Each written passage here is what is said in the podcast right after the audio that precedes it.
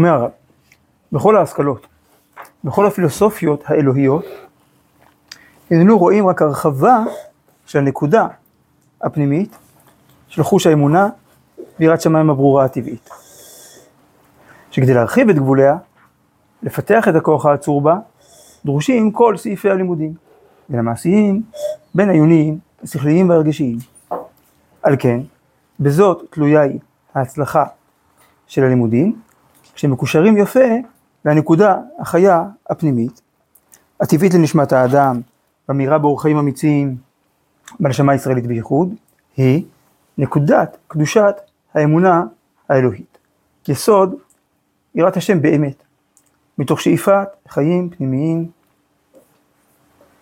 מתוך הרגשה ערה וזכה, כנראה צריך להיות אדירה ומחוננה, כלומר מבוססת בכל חוקי החיים היותר עזיזים, שכל הנשמה כולה, בכל חושיה, כוחותיה, אורותיה ונטיותיה, קשורים וקבועים בה.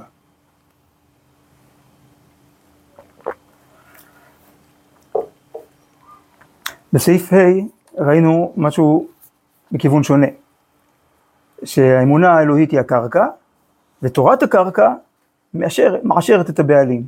אז כן, תורת האמונה תאשר באלף עושר גדול את כל ההמון.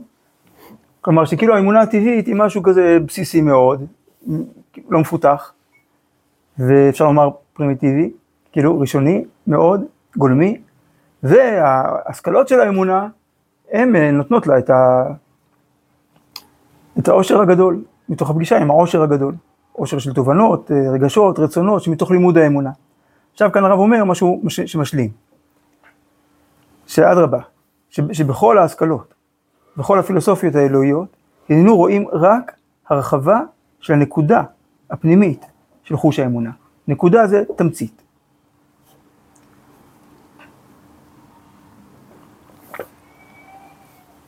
אז יש, האמונה היא חוש. חוש זה, זה מאפיין של, של, של קליטה של המציאות בערוץ מסוים. נגיד חוש הראייה, אז הוא קולט את הטווח הנראה לעין. חוש השמיעה, את הטווח הנשמע. חוש הריח, מה שיש לו ריח. חוש המישוש, מה שאפשר למשש. יש תחושת חיים, שקולטת את החיות שלנו. יש תחושת כאב, ויש תחושה שהיא תחושת מקור החיים. תחושה שכל זה בא ממקור אינסוף. זאת אמונה. אמונה היא חוש מקור החיים.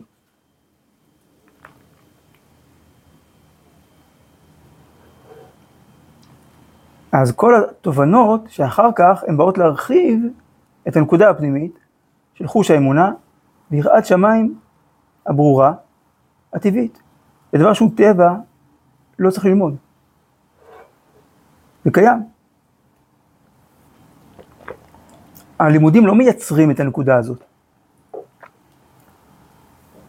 אז מה הם מוסיפים לה? שכדי, למה הם דרושים בכלל? שכדי להרחיב את גבוליה, זה כאילו תיאור כמותי, וגם מבחינת איכות, לפתח את הכוח העצור בה, דרושים כל סעיפי הלימודים. סעיף בתנ"ך זה ענף. מכילה סעיפיה, מסעיף פורה. אז הלימודי, לימודי האמונה הם סעיפים שלה, הם לא השורש ולא הגזע. ענף הוא חי, אבל זה חיות חלקית.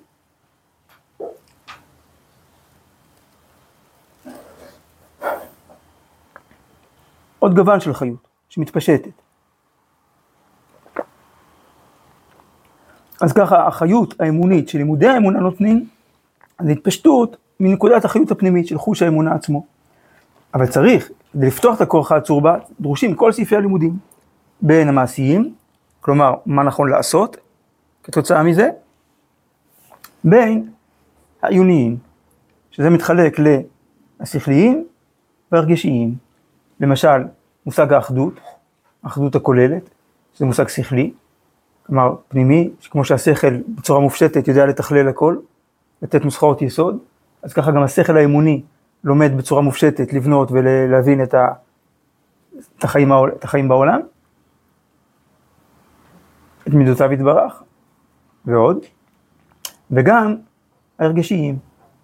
יש עולם רגשות שלם של אמונה, למשל חובות הלבבות, בונה את האמונה על הכרת הטוב. השם נותן לך את הגוף, את השכל, את הרגש, את היכולת, את החמצן, הכל, השם נותן לך, עכשיו הוא מבקש ממך כמה בקשות, לא, לא, לא תמלא אותן. תהיה ישר, תהיה הוגן. אז זה, זה לבנות אמונה, לבנות חיי אמונה, על בסיס רגש. רגש מוסרי.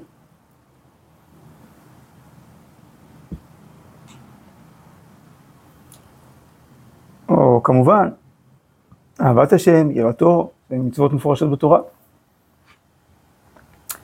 על כן, אז כיוון ששוב, כל ההשכלות וכל הפילוסופיות הן רק הרחבות של נקודת האמונה, אז, אז לכן, באמת, אז על כן, בזאת תלויה היא ההצלחה של לימודים, נקודותיים, במה? שמקושרים יפה לנקודה החיה הפנימית. מקושרים יפה, קשור, אם א' קשור לב', אז אם ב' זז גם א' זז, כי הוא קשור אליו. אז מקושרים יפה, זה לא זז, לא זז בלי זה, ובהתאמה, בהרמוניה. הלימודים צריכים להיות מקושרים בצורה הרמונית, לא שזה גורם לסתירה או לערעור, נגיד של אמונה הפשוטה הטבעית, שאדם לומד עכשיו הוא כבר מאבד את, ה, את, ה, את הטבעיות האמונית שלו, אלא לימודי האמונה צריכים להיות מקושרים יפה לנקודה החיה הפנימית. עכשיו פה תפתחו סוגריים, לפני המילה הטבעית, תפתחו סוגריים, עד הישראלית בייחוד, אחרי המילה בייחוד תסגרו סוגריים. עכשיו נקרא את זה בלי הסוגריים, תראו שזה המשך אחד.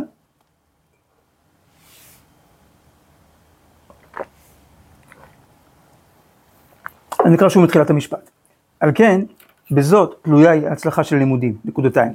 שמקושרים יפה לנקודה החיה הפנימית, היא נקודת קדושת האמונה האלוהית. יסוד יראת השם באמת, אבל איך הם מקושרים לה? מה זה מקושרים יפה? מתוך שאיפת חיים פנימיים.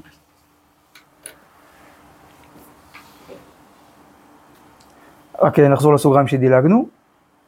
בסוגריים הרב אומר שאותה נקודה חיה פנימית של אמונה, היא טבעית לנשמת האדם בכלל, מעולם לא קמה חברה אנושית בלי אמונה. החילוקים היו רק בדת, כלומר בפרקטיקה של האמונה, אבל עצם האמונה תמיד הייתה קיימת כי חלק מהטבעיות האנושית. והמאירה באור חיים אמיצים בנשמה הישראלית בייחוד. אור זה משמעות, תוכן. אמיץ זה כמו קשר אמיץ, מחובר. אז הנקודה החיה הפנימית, כלומר האמונה, היא מאירה באור חיים אמיצים, כלומר היא מחוברת. המשמעות של החיים מחוברת לה, אל החיים בפועל, בקשר אמיץ, זה האמונה. בהנשמה הישראלית בייחוד. אם אמונה זה דבר כל כך טבעי, יכול להיות שיש כפירה? כי יש לאדם, יש כל, יכולות להיות כל מיני סיבות לכפירה, אבל אה, זה ש... זה לא אומר שאמונה לא טבעית. כי אם יש לאדם נטיות אחרות, הן יכולות לשבש את הטבע. זה גם טבעי להכיר טובה להורים, ובכל אופן כועסים עליהם, אם מרגישים שהם לא מבינים אותנו. או שגם לנו יש אמירה שיש כל מיני סיבות טובות, לפעמים גם ההורים לא מבינים, כאילו, טוב, פה באמונה זה לא שקשור לא מבין משהו, אבל אפשר לחוות חוסר התאמה, אדם חווה קשיים בחיים, אז אה, או, או, ש, או שהוא לא, או שבגלל הבנה לא בהירה של האמונה, נדמה לו שהאמונה היא משהו אחר, יש לו טעות בכתובת. כמו שאברבנאל אומר, שהאלוהים שבו הכופר כופר הוא לא האלוהים שבו המאמין מאמין. הכופר כופר באלוהים שבו נדמה לו שהמאמין מאמין. מה שבאמת זה בעיקר קצר בתקשורת. יותר מאשר באמת כפירה באמונה האמיתית. הכופר כופר בדימוי של האמונה. פעם הרב ציודה אמר לי מישהו, האלוהים שבו אתה כופר גם אני כופר בו. זה לא אלוקים. אנשים ממציאים המצאות.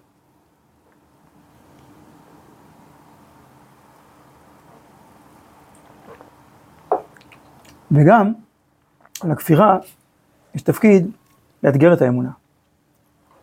להוכיח ש... לחייב אותה להיות יותר מדויקת, יותר פנימית. ולהגיד, לא להפיל את האדם לפסיביות, או לחוסר הערכה וכבוד לחיים, לטבע, כמו שאמונה שטחית עלולה לגרום.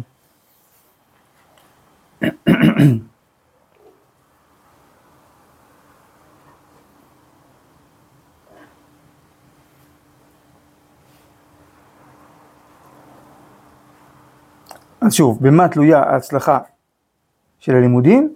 שהם קשורים יפה לנקודה החיה הפנימית. פה יש עוד נקודה ששווה להרחיב בה. מה זה הצלחה?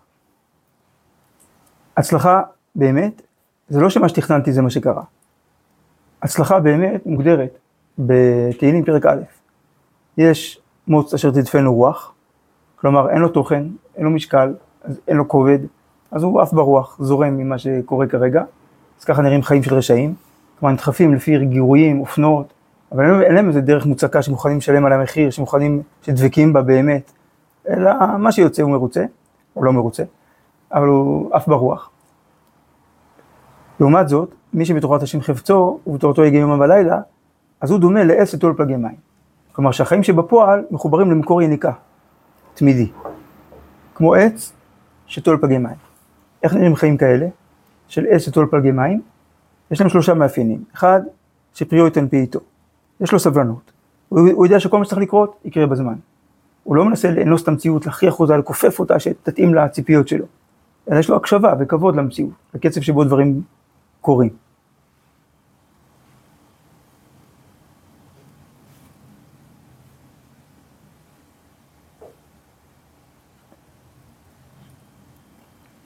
אה, ראיתי שכתב אה, דגן ורטמן, השם ייקום דמו, הוא כתב לעצמו שצריך המון כוח כדי לתת למציאות להתנהל כמו שמתאים לה. לא זוכר בדיוק את המילים, אבל זה התוכן.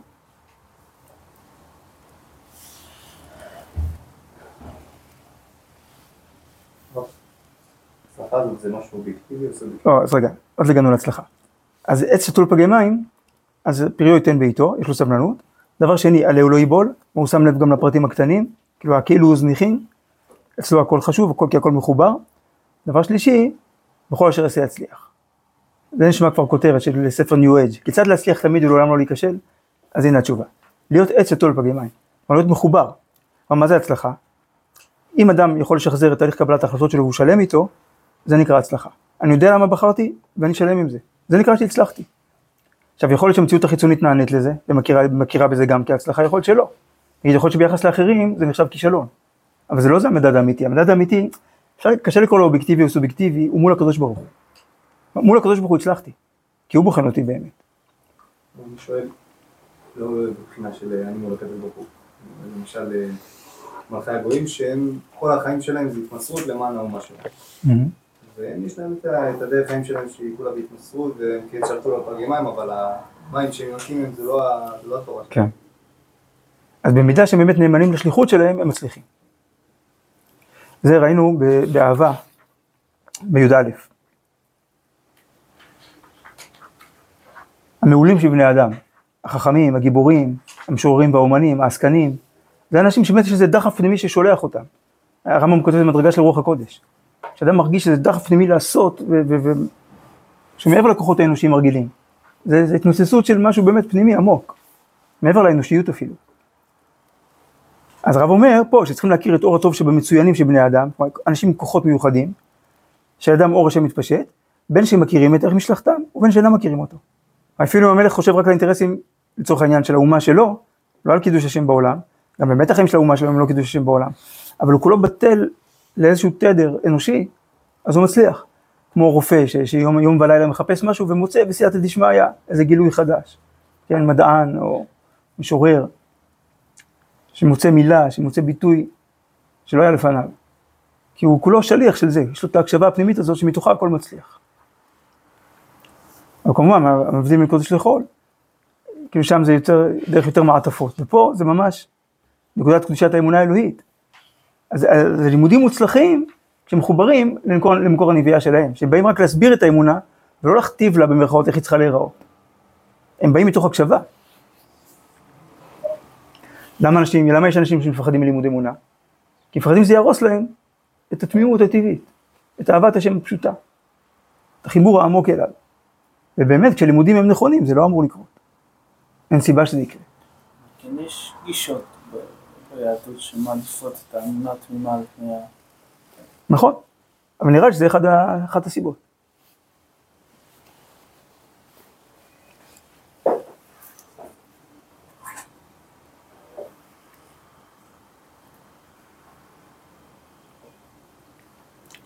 ולכולי עלמא צריך ללמוד. אמונה.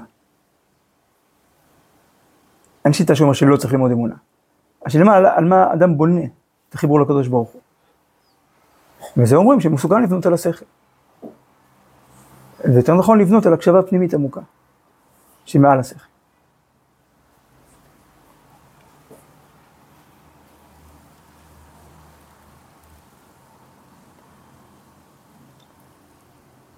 רבי נחמן אומר, למשל, שמה שהשכל האנושי יכול להבין, מצווה גדולה לחדד השכל להבין דבר על בוריו. ומה שלא, צריך להאמין באמונה פשוטה.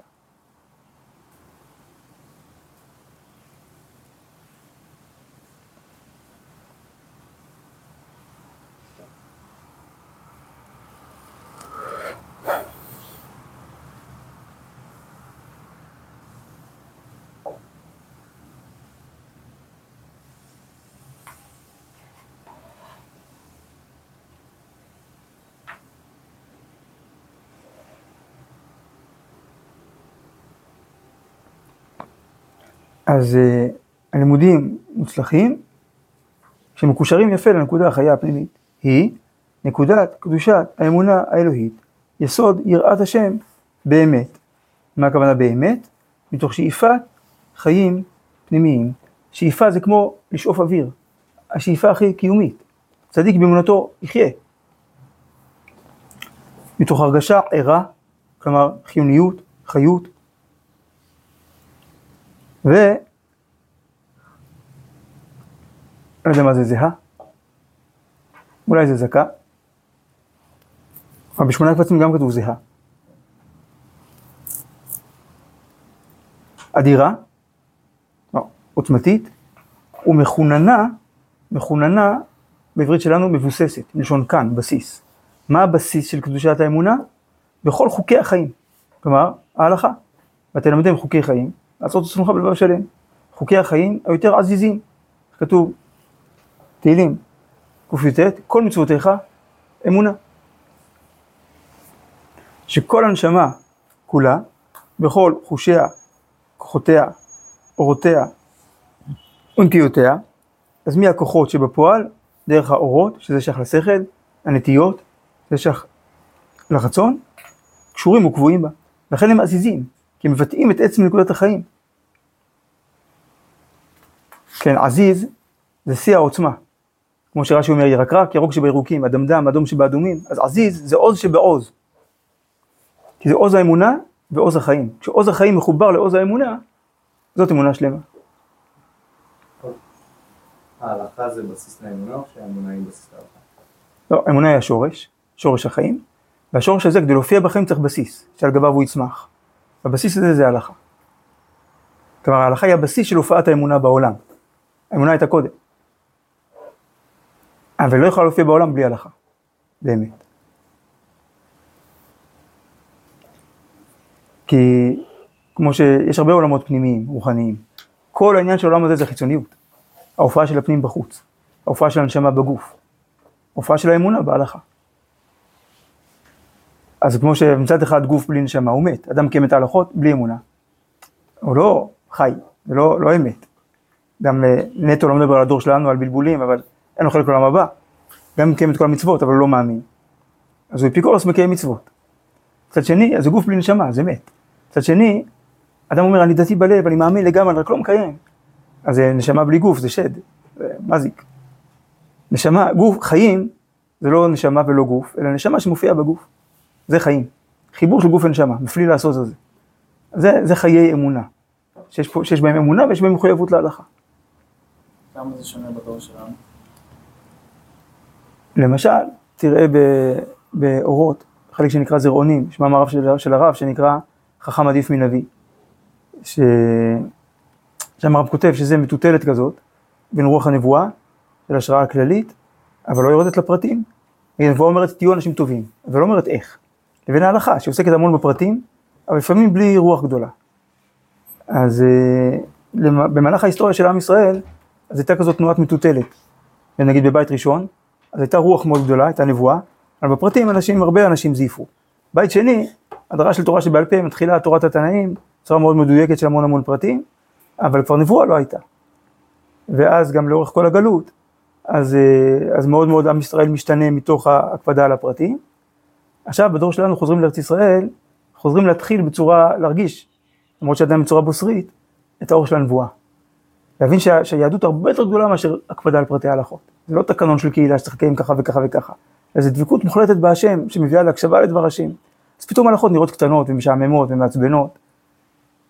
לא כי הדור יותר קטן, כי הדור יותר גדול, אבל עדיין בוסרי בגודל הזה. ולא נגיע לעולם לגודל של הנבואה בלי, בלי, בלי הבסיס של ההלכה. גם כשאדם, גם אדם שנגיד מאוד שייך לקדושה, הוא גם צריך זרזות, זרזות, זרזות, נקיות פרישות טהרה חסידות, ענווה יראת חטא, אבל זה הרבה יותר זורם. כי הוא מחובר לזה באמת מבפנים. אז הדור שלנו, אדם, כשאדם, מקפיד על ההלכה ומדייק, הוא יכול להגיע למדרגות ש, שפעם זה היה נדיר. אבל זה לא דילוג על, ה, על מדרגות. אבל עדיין מרגישים נפשית קשה איתה. לכן, אחד הדברים הכי מסוכנים בתורה זה בוסר. כלומר שמרגישים משהו גדול, אבל עוד לא בשלים אליו באמת.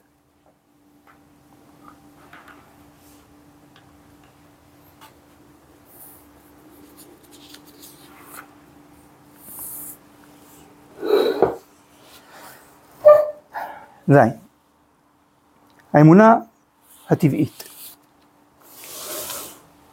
עכשיו פה צריך לשים לב שזה לא אותה אמונה טבעית של סעיף ו'. כי סעיף ו', טבעית הכוונה נשמתית. ופה האמונה הטבעית הכוונה טבע הנפש.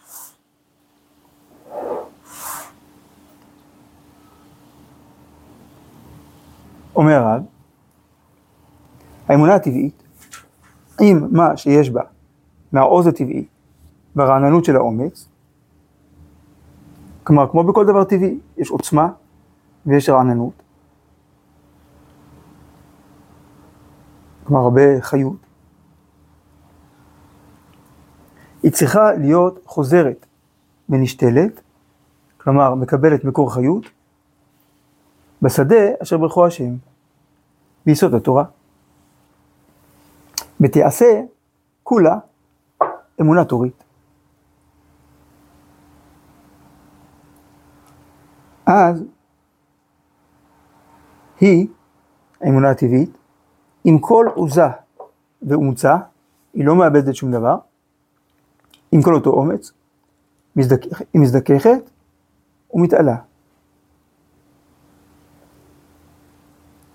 בטבע אין זוך, כטבע מעורבב, מאז חטא הדם הראשון, אצל הטוב הרע, כל מה שטבעי מעורבב. גם בעולם החומר, אין זהב טהור בטבע, אין כסף נקי. אם רוצים להגיע לחומר מזוקק, צריך לעשות עבודה, נגיד צריפה. מעלים את המתכת לטמפרטורה של מאות מעלות, ואז נפרדים, סגסוגת מהז... מהזהב או הבדיל מהכסף. אותו דבר בנפש. אדם נולד עם כל המידות, אבל לא מדויקות, לא, לא בכיוונון הנכון, לא, לא, לא מחוילות. אדם צריך לעשות, כן, כמו שמונה פרקים. אדם נוטה לכאן או לכאן, או שזה מעורבב, לכל מידה יש את הקליפה שלה. נגיד, אה, הקליפה של אהבה זה תאווה, והקליפה של אכפתיות זה כעס, והקליפה של מנהיגות זה שתלטנות. יכול להיות הרבה, לכל מידה יש את הקליפה שלה. אז, אה, אז אי אפשר להיות טבעיים. אדם שירצה לחיות טבעי, הוא בטוח יפגע באחרים ובעצמו, הוא, הוא לא יהיה מדויק.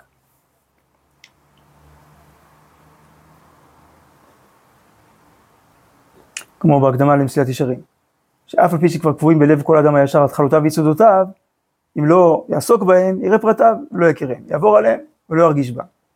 ואז הוא אומר, ראה, כי אין דברי העבודה, חסידות וכולי, טבועים באדם עד שלא יצטרכו אמצעים ותחבולות, צריכים אמצעים ותחבולות, לקנות אותם. אז מצד אחד זה טבעי, מצד שני צריך לעבוד על זה.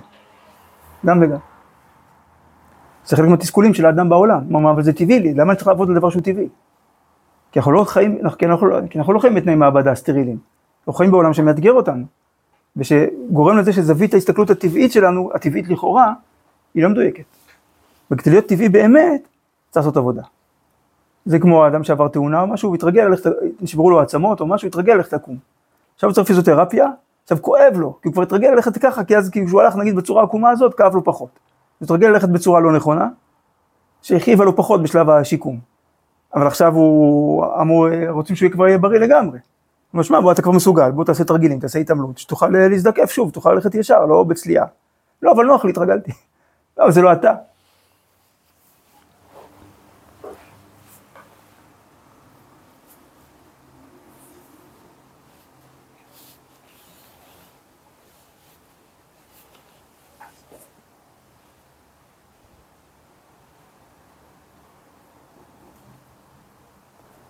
אז כשהאמונה, אז לכן גם האמונה הטבעית, באומה של טבע הנפש, היא לא מספיקה, אלא צריכה להיות אמונה תורנית, המבוססת על הבנת הקשבה לדבר השם שבתורה, הערכים והתכנים של תורה, ואז היא, עם כל עוזה ואומצה, עם כל העוז והאומץ, מזדככת ומתעלה. התעלות זה עוד דבר שאין בטבע, כי הטבע הוא מחזורי. מה שהיה הוא שיהיה, אין כל חדש תחת השמש. יש חוק שימור החומר, חוק שימור האנרגיה, בטבע דברים רק, משנים צורה, אבל לא באמת מתעלים במהות. בשכל כן. יכולות להיפתח הבנות חדשות, קומות חדשות, ש, שאין בטבע.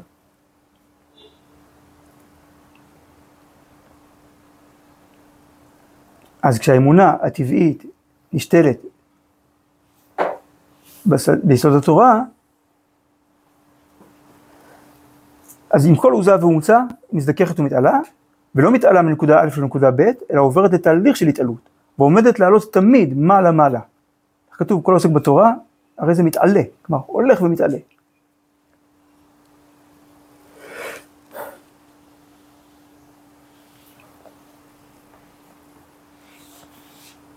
בתואר וניקיון,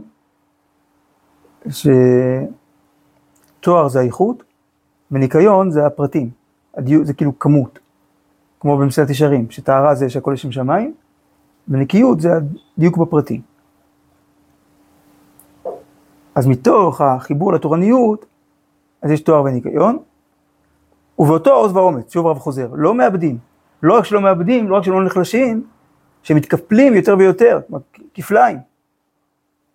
נכפלים, היינו אומרים. יותר ויותר. למה? מפני הטוהר והבהירות האלוהית, ההולכת ומופעת על יסוד האמונה. טוהר זה גם דבר שאין בטבע. אמרות השם אמרות טהורות, אבל הטבע יש בו משהו אטום, מוגבל. אטום אותיות טמא, כמו שהוא, כשהוא מנותק. והבהירות האלוהית. בהירות זה גם מושג שיש בשכל, ואין בטבע. השכל בהיר. נגיד, אדם שמסביר משהו בשכל חייב להסביר כל, שלב, כל פרט וכל שלב, אחרת הוא לא מבין. אם זה, בשכל זה לא בערך ובגדול ככה נראה לי, ככה אני מרגיש. שכל צריך להיות בהיר. אז שכל אמוני מביא לאמונה בהירות. בהירות אלוהית. ההולכת ומופעת אל יסוד האמונה בחירותה החופשית. עוד דבר שאין בטבע, בטבע הכל הכרחי. למה ככה? חייב להיות. השמש תמיד יזרח במזרח, למה ככה? ככה חייב להיות. אין לך בן חורין למי שעוסק בתורה. דרך אגב צריך להיות בחירותה הנפשית, בכתב יד.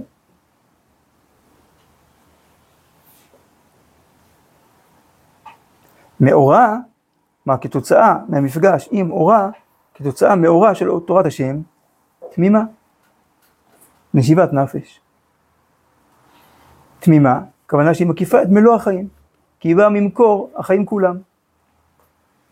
ואז היא משיבת נפש, משיבה את הנפש לעצמה, לשורש.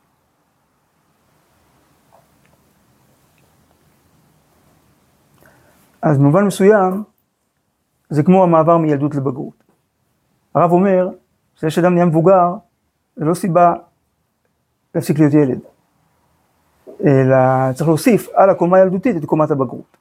אבל לא לאבד את התכונות של ילדותיות, את התמימות, את הטהרה, את ההתחדשות, את הסקרנות, אלא להוסיף עליהם את היציבות ואת השכליות של מבוגר.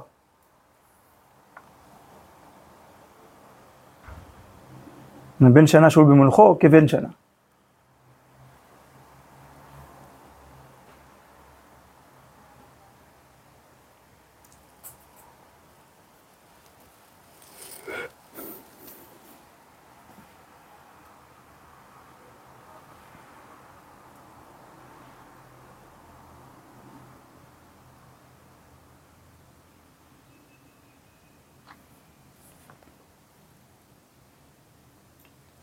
ומשיבת נפש, אז, אז אמרנו משיבה זה מחברת לשורש, את הנפש. נפש זה החיות הטבעית.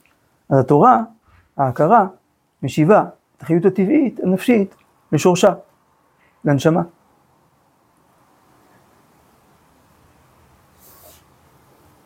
עכשיו, כאן שוב, בסעיף ח' גם כתוב אמונה טבעית, אבל בסעיף ח' הכוונה לטבע הנשמה, לא לטבע הנפש. הרב אומר את זה בפירוש. בחסידות פנימית, כלולה היא הארת האמונה הטבעית, שמה זה? אור אלוהים המפעם בנשמה בכוחו הגדול מצד עצמו. מה הכוונה מצד עצמו? חוץ ממה שהוא מואר מאורה של תורה, של מורשת אבות וקבלה.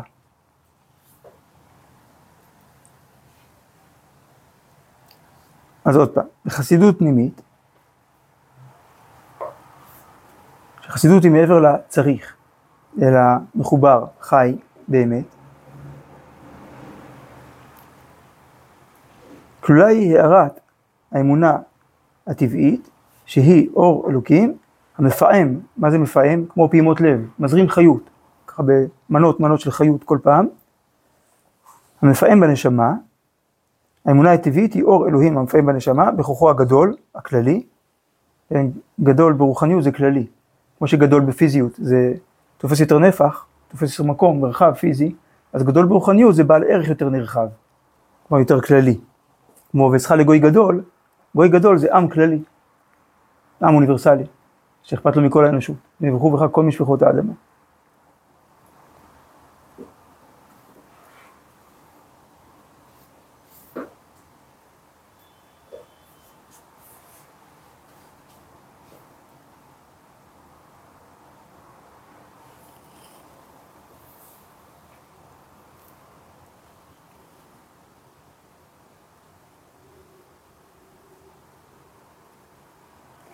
אז בחסידות פנימית כלולה הערת האמונה הטבעית, כלומר אור אלוהים המפעם בנשמה בכוחו הגדול, אז היא כלולה באור כזה שהוא מאיר, שהוא מפעם בנשמה מצד עצמו.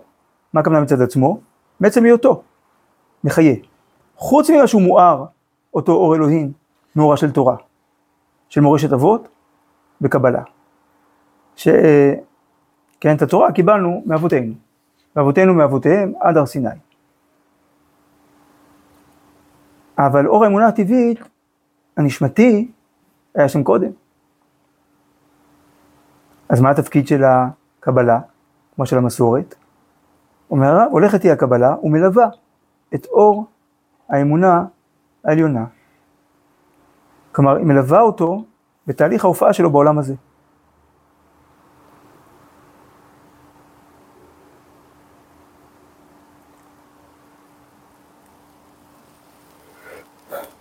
כמו חתן, מלך, שצריכים ליווי, כי הם חריגים, הם לא מפה, כי יש להם, הם נושאים תפקיד כללי. אז זה ככה האמונה, היא צריכה ליווי. אז התורה מלווה את האמונה, שתהיה, תופיע בעולם בצורה נכונה, וזה, הליווי הזה הוא בסור מרע, ועשה טוב. בסור מרע שומרת אותה משגיאות, ובעשה טוב, הוא מיישרת את דרכה. כי יש בעולם הזה מכשולים, בורות, פחתים, ליסטים,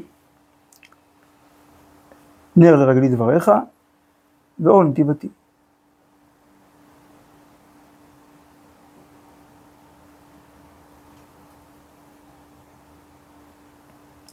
אז נר זה נגד, נר זה כלי, רגלי זה ההרגלים, רגליים, לשון הרגל, וגם החיבור לקרקע. המקום הכי נמוך באדם זה הרגליים. אז נר לרגלי דבריך. כלומר, הרגליים צריכות נר שיאיר להם את הדרך, וזה דבריך, דבר השם. רגלי חסידה וישמור. ואור נתיבתי, אור זה משמעות. אז מה שמאיר את ה... מיישר את הנתיבות, דבר השם.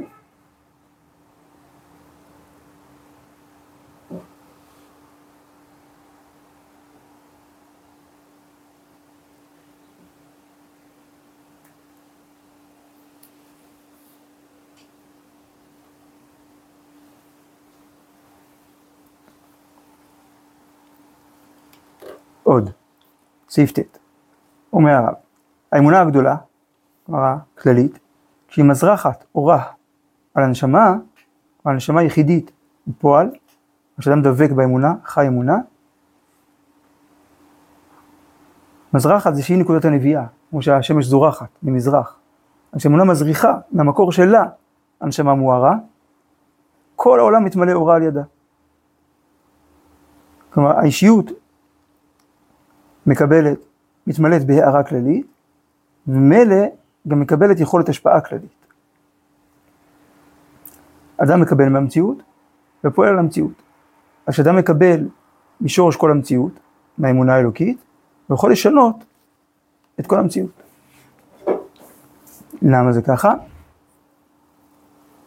כי יכולת כללית גדולה, כוח כביר ונשגב,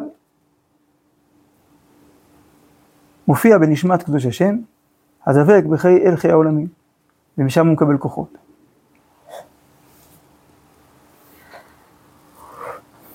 ואז היא עוברת תהליך, כשם שהיכולת והגבורה מצטיירת בתחילה בדמיון הקודש, כלומר וזו תחושה כללית, אחרי ככה הולכת היא ומתעלה לשורש, בשכל ובפועל, ליישום. עד ותגזר עומר ויקום לך. כלומר, מי, שרוצ... מי שרצונו דבק ברצון השם, אז רצונו מופיע את רצון השם. אז יכול לשנות מציאות.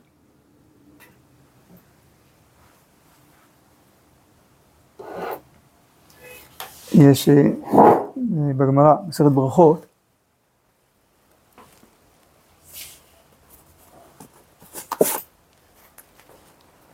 זה במשנה.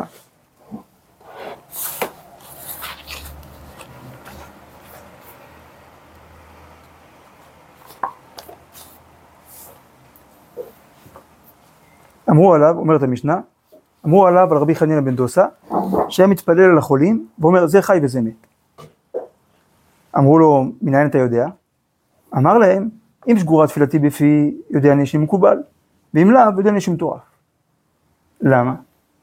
כי רבי חנינא כל כך דבק ברצון השם, שאם רצון השם שהחול, אז הוא מתפלל שהחולה יבריא. אז אם זה רצון השם, אז זה מתגלגל לו בפה, זה, זה זורם. כי הוא חי את רצון השם. אבל אם רצון השם הוא אחרת, נגזר אחרת, הוא לא יכול להתפלל על זה. אז הוא אומר, זה לא, לא ילך. נגזרה גזרה. אז איך, הוא, אז איך הוא יודע את רצון השם? דרך הטבעיות שלו.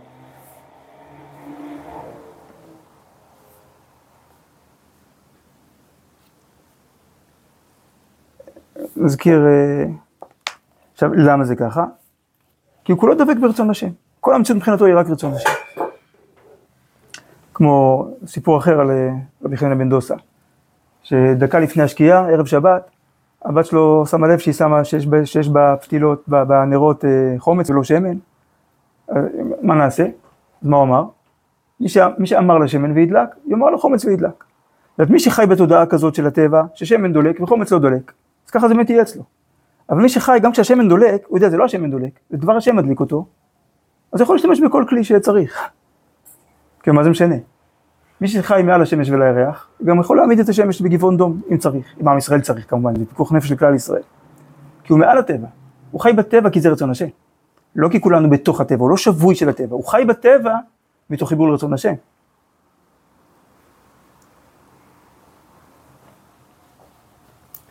אז הוא חופשי, מהמגבלות של הטבע. כמו שרצון השם הוא חופשי. רצון השם זה הדבר היחיד החופשי בכל המציאות. הרי כל דבר בעולם מוגבל. גם המלאך הכי גבוה הוא מוגבל, כי הוא לא השני. הוא חלקי. רצון השם הוא חופשי. באמת כל מה שהשם רוצה הוא יכול. אז מי שדבק ברצון השם, אז הוא דבק, ב... הוא חי, רצון חופשי. אי אפשר לאיים עליו, ללחוץ עליו, לפתות אותו. הוא עושה רק מה שהוא רוצה, באמת. כי הוא רוצה את רצון השם באמת. איך משה רבנו דוחה את מתן תורה ביממה? כי הוא מבין שמה שהוא רוצה זה רצון השם. הקדוש ברוך הוא אומר לו, ערף מני ואשמידם ואעשה אותך לגוי גדול. נשמע הגיוני, לא? אבל משה רבנו אומר לו, אין מצב. אם אין וכן ים מספרך. מאיפה משה רבנו יודע שזה רצון השם? כי ככה הוא רוצה. הוא מבין שמה שהוא רוצה, אם זה היה באמת רצון השם, הוא לא היה מרגיש התנגדות. אז אם הוא מרגיש התנגדות, הוא מבין שהשם רוצה לנסות אותו. להוציא ממנו את העמידה על זכותם של ישראל. ללמד סנגוריה על עם ישראל.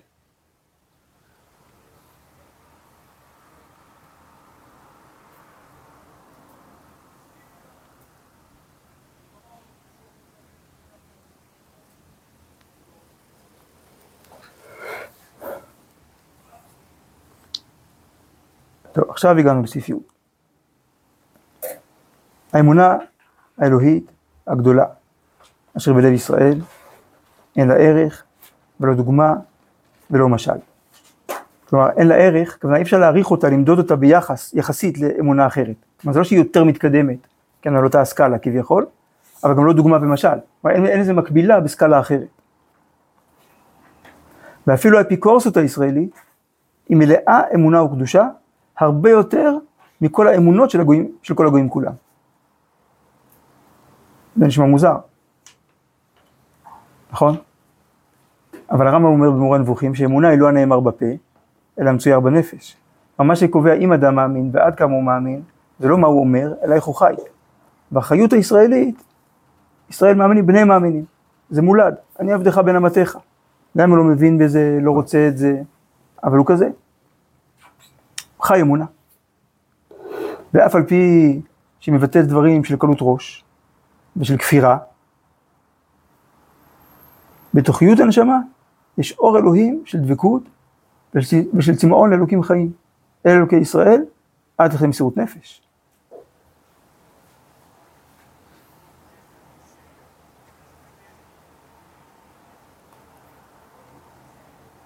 וירח את ריח בגדיו, אל תקראי בגדיו, אלא בוגדיו. כלומר, בגידה בעם ישראל, בעם ישראל הבגידה היא לבוש, חיצוני, בר החלפה.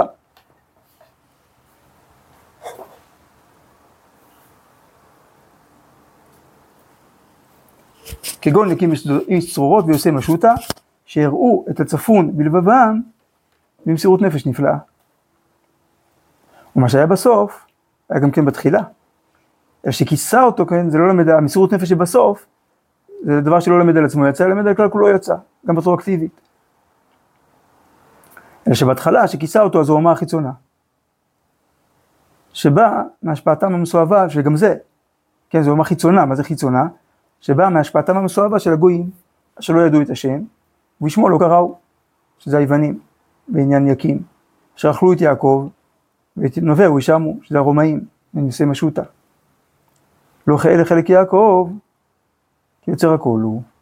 ישראל שבט נחלתו, השם צבאות שמו.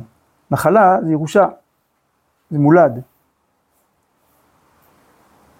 טוב, מה הסיפור הזה של יקים מסצורות ויוצא משוטה? אז בואו נראה בדף.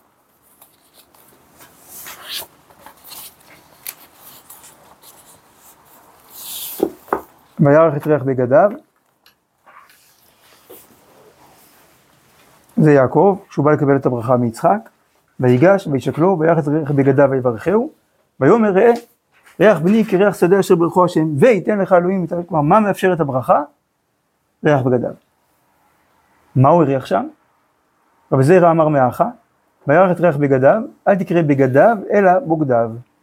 ואפילו בוגדים שבהם, יש בהם ריח. אז את מי, יעקב, את מי יצחק אבינו פוגש? את מי הוא מריח? את הבוגדים שבעם ישראל. ואפילו הבוגדים. כשאתה בא, כשבאים לברך, זה לברך את כל המרחב. עד לקצה ממש.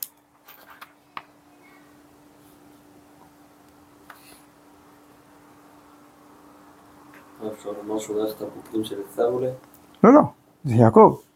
זה בגדיו של יעקב עכשיו. זה מה שאתה... כן, כמובן. אבל אצל יעקב זה ככה. הוא, לא- הוא לא יודע בדיוק מי הבן הזה. הוא קורא לו בני. הוא אומר ריח, ריח, ריח בני, לא אומר ריח, ריח עשיו, כריח שדה. למרות שעשיו כתוב שהוא איש שדה, איש שדה הצד איש שדה. בני, הוא קודם קורא לבן הזה בני. אתה זה בני עשיו.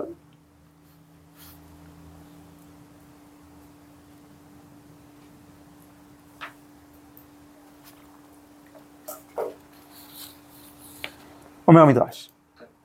דבר אחר, וירח את ריח בגדיו ויברכהו, כגון יוסף משיטה ויקום איש. יוסף משיטה, מה הסיפור שלו? בשעה שביקשו שונאים להיכנס להר הבית, כלומר להיכל, הרומאים, אמרו ייכנס מהם ובהם תחילה. זאת אומרת, פחדו להיכנס להיכל, הרומאים, שבאו להקריב את הר הבית, אבל פחדו. אמרו שייכנס קודם יהודי, נראה מה, כאילו, פחד, כאילו, מה יקרה לו, נשלח אחד מהם. אז זה שיא הבגידה שיכולה להיות. עכשיו בשירות הרומאים הוא נכנס לבית המקדש כדי להחריב אותו. לעזור להם להחריב אותו. עכשיו, מה, מה הפיתוי? אמרי לי, אול, תיכנס, ומה דעת, ומה דעת מפיק? גידח. ומה שאתה מוציא, הדבר הראשון שאתה מוציא, שלך. זה, זה הפרס. נכנס והוציא מנורה של זהב. הוציא את המנורה. מעניין. למה את המנורה דווקא? יכול להיות שמנורה זה הזהות הלאומית של עם ישראל. כמו שנר המערבי זה ביטוי כמה השם אוהב אותנו. גם בכפרים עתיקים, אפילו מהתקופה הרומאית, אז יש ציור של מנורה על הקבר, ככה יודעים שזה קבר יהודי. זה סמל יהודי עד סמל למדינה של היום. אז זה משהו כזה של שייכות לאומית. איך כתוב, אומרים בברכות ההפטרה, כי בשם קודשך נשבעת לו, שלא יכבון יראו לעולם ועד.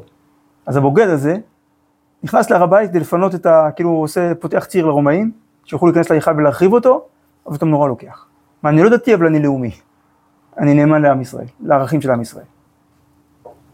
הרומאים יודעים טוב מאוד שזה לא עובד. אם הוא לאומי, אז גם יהיה דתי בסוף. אמרו לו, אין דרכו של הדיוט להשתמש בזו.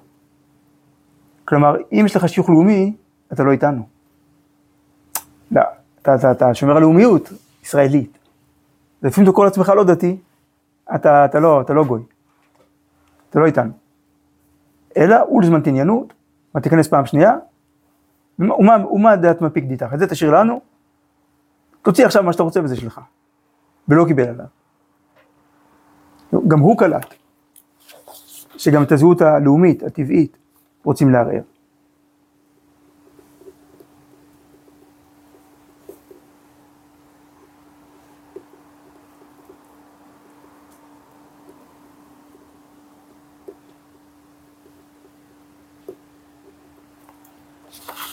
אמר, אז מה עשו לו? אמר רבי פנחס, נתנו לו מכס שלוש שנים, כלומר פטור ממיסים לשלוש שנים. לא קיבל עליו.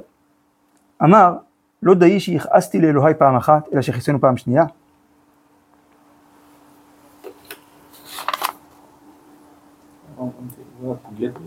מה? בוגד? בטח. בוגד מדבר על כעס ל... לא, זה כבר בשלב שהוא קלט. שהוא אמר, לא נכנס יותר. זה כבר שלב התשובה שלו. עכשיו הוא התעורר. אני לא מספיק שאיבדתי את הדתיות, עכשיו אני גם איבד את הלאומיות. מה עשו לו?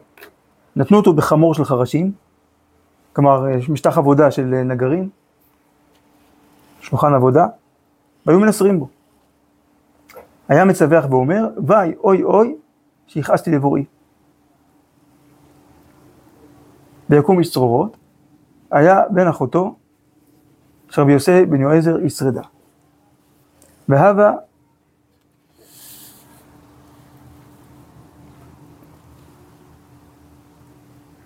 רכיב סוסיה בשבתה, רכב על סוס בשבת, הוא היה מתייוון. אזל קומי שריתא למצטבלה. זאת אומרת, והוא רואה שלוקחים את הדוד שלו, יוסי בן יועזר, לוקחים אותו לצליבה, מוצאים אותו להורג. אז גם, אה, אז הוא על הצלב, אמר לי, יקום משצרורות, חמי סוסי דרכבי מרי, וחמי סוסך דרכבך מרח. מה תראה על מי אני רוכב, על מה אני רוכב ועל מה אתה רוכב. תראה את הסוס שנתנו לי הבוסים שלי, ותראה מה הבוס שלך, מה אדונך נתן לך. אמר לי, אם קח למכעיסיו, קל וחומר לא עושה רצונו. כלומר, אם אפילו אם בעולם הזה, מי שמשרת אדון שהיא בעל כוח בעולם הזה, אז מי שעובד את השם, בעל הכוח האינסופי, מה הוא יקבל? אמר לו, עשה אדם רצונו יותר ממך? הנה, אתה, אתה נשיא הדור, ותראה כמה אתה סובל. אמר לו, עכשיו הצד השני, ואם כך לא עושה רצונו, קו החומר למכעיסיו. כלומר, אם מי שעובד את השם, אבל אם יש צורך, יש גזירה, יש משהו, יש איזה משהו בדקות שצריך לתקן, אז הוא כל כך סובל, אז מי שבוגד בהשם, קל וחומר. נכנס בו הדבר כארס של אחנה, כמו ארס של נחש, שזה משהו פנימי. לא, אה, כן, לא איזה, לא, אה, כן, חלל חוטף אבן שפוגעת לו במוח, אלא במחזור הדם הטבעי שלו מתחיל לחלחל התוכן הזה.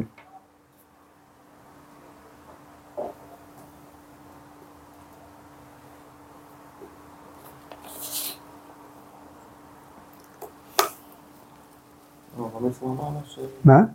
מה בעצם אמרנו שחלחל לו שהקשר שלנו עם הקדוש ברוך הוא הוא המהות של החיים שלנו. וכל הצלחה חיצונית, אם היא לא קשורה לקדוש ברוך הוא, היא לא שווה כלום. וכל סבל חיצוני, אם הוא קשור לקדוש ברוך הוא, הוא שווה. אז הוא משקף לו גם את האמת הפנימית שלו. אבל הוא מבין עכשיו כמה שהוא הרחיק לכת. עד מאוד. אז הוא החליט שהוא חייב ארבע מיטות בית דין, אז הוא קיים את זה. הלך וקיים בעצמו ארבע מיטות בית דין, סקילה, שריפה, הרג וחנק. איך אפשר? את ארבעתם. מה עשה? הביא קורה, נאצה בארץ, וקשר בנימה. כמו הכין כזה עמוד תלייה מעץ, קשר בו חבל, וערך העצים, הכין, כן, למטה, מתחת לזה, עצים, והקיפן גדר של אבנים, שהיו, נשענו על העצים, ועשה מדורה לפניה, ונעץ את החרב באמצע, באמצע המדורה, והצית האור תחת העצים, מתחת האבנים, ונתלה, בתו, ב, ונתלה בקורה, ונחנק. אז הוא תלה את עצמו, ואז קדמתו האש, נפסקה הנימה, כלומר חבל התלייה, אז הוא נפל האש, קדמתו חרב, אז זה כבר סקילה, יש לנו חנק, שריפה וחרב, ואז כיוון שהאבנים היו תלויות ב- קשורות לעצים, אז, אה, אז המשיכה האש לשרוף, כל העצים נשרפו, אז האבנים נפלו עליו, אז זה גם סקילה. נפל עליו גדר ונשרף. כל זה תוך כדי שעדיין מוצאים את יוסף בן יועזר להריגה. נתנמנם יוסף בן יועזר איש שרדה, וראה מיתתו, את מיתתו של יקום איש צרורות, פרחה באוויר, אמר, בשעה קלה קדמני זה לגן עדן. אותו יקום איש צרורות, לפני שנייה הוא היה בוגד, מאוד חוצפן, ועכשיו הוא זכה לגן עדן. למה? כי לבלבול יש גבול, וכשחוצים אותו, מתגלה הפנימיות. מה? כנראה שזה היה קיום מצוות וביארת הרע מקרבך.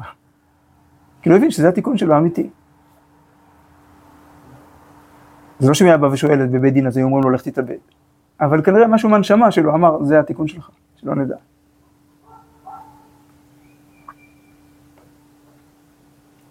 אז מה זה אומר? זה, שיא- זה, זה ביטוי של, של סגולת ישראל. אשת חיל ממרחק תביא לחמה. אז האנשים האלה הכי רחוקים, הכי בוגדים, בסופו של דבר מתברר שהם נאמנים לגמרי, עד הסוף. כולל איסורים, כולל מוות.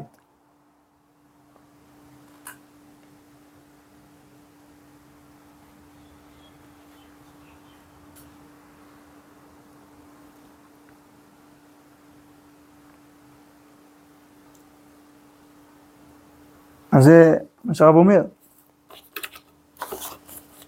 שאפילו הבוגדים, יש להם מסירות נפש. מאיפה זה בא?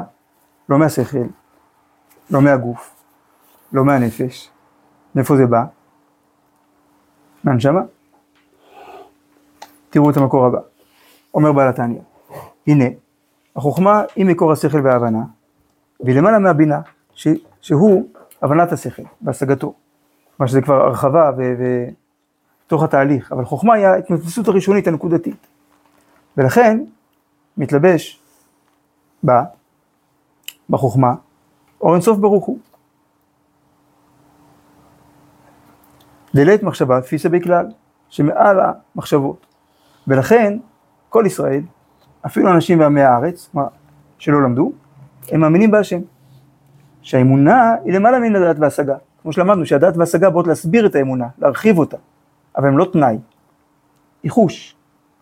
ולכן, אפילו קהל שבקלים ופושעי ישראל, מוסרים נפשם על קדושת השם על הרוב, וסובלים מינויים קשים שלא לכפור בהשם אחד. ואף אם הם בורים בעמי הארץ ואין יודעים גדולת השם, וגם במעט שיודעים אין מתבוננים כלל, ואין מוסרים נפשם מחמת דעת והתבוננות בהשם כלל, כי אין להם את זה, אלא בלי שום דעת והתבוננות, רק כאילו הוא דבר שאי אפשר כלל לכפור בהשם אחד. בלי שום טעם וטענה ומענה כלל, פשוט לא יכול להיות. למה ככה? מעבר לנימוקים. והיינו, משום שהשם אחד מאיר ומחיה כל הנפש, על ידי התלבשותו בבחינת חוכמה שבה, שהיא למעלה מן הדעת והשכל המוס... ב... ב... שהיא למעלה מן הדעת והשכל המושג ומובן. זה בא מהנשמה, כמו חיילי צה"ל של היום, תסביר לי למה אתה מוכן לעמוד בשביל המדינה. זה לא שיש להם הסבר הגיוני. אבל זה ככה. ברוך השם, יש נשמה שמאירה. טוב.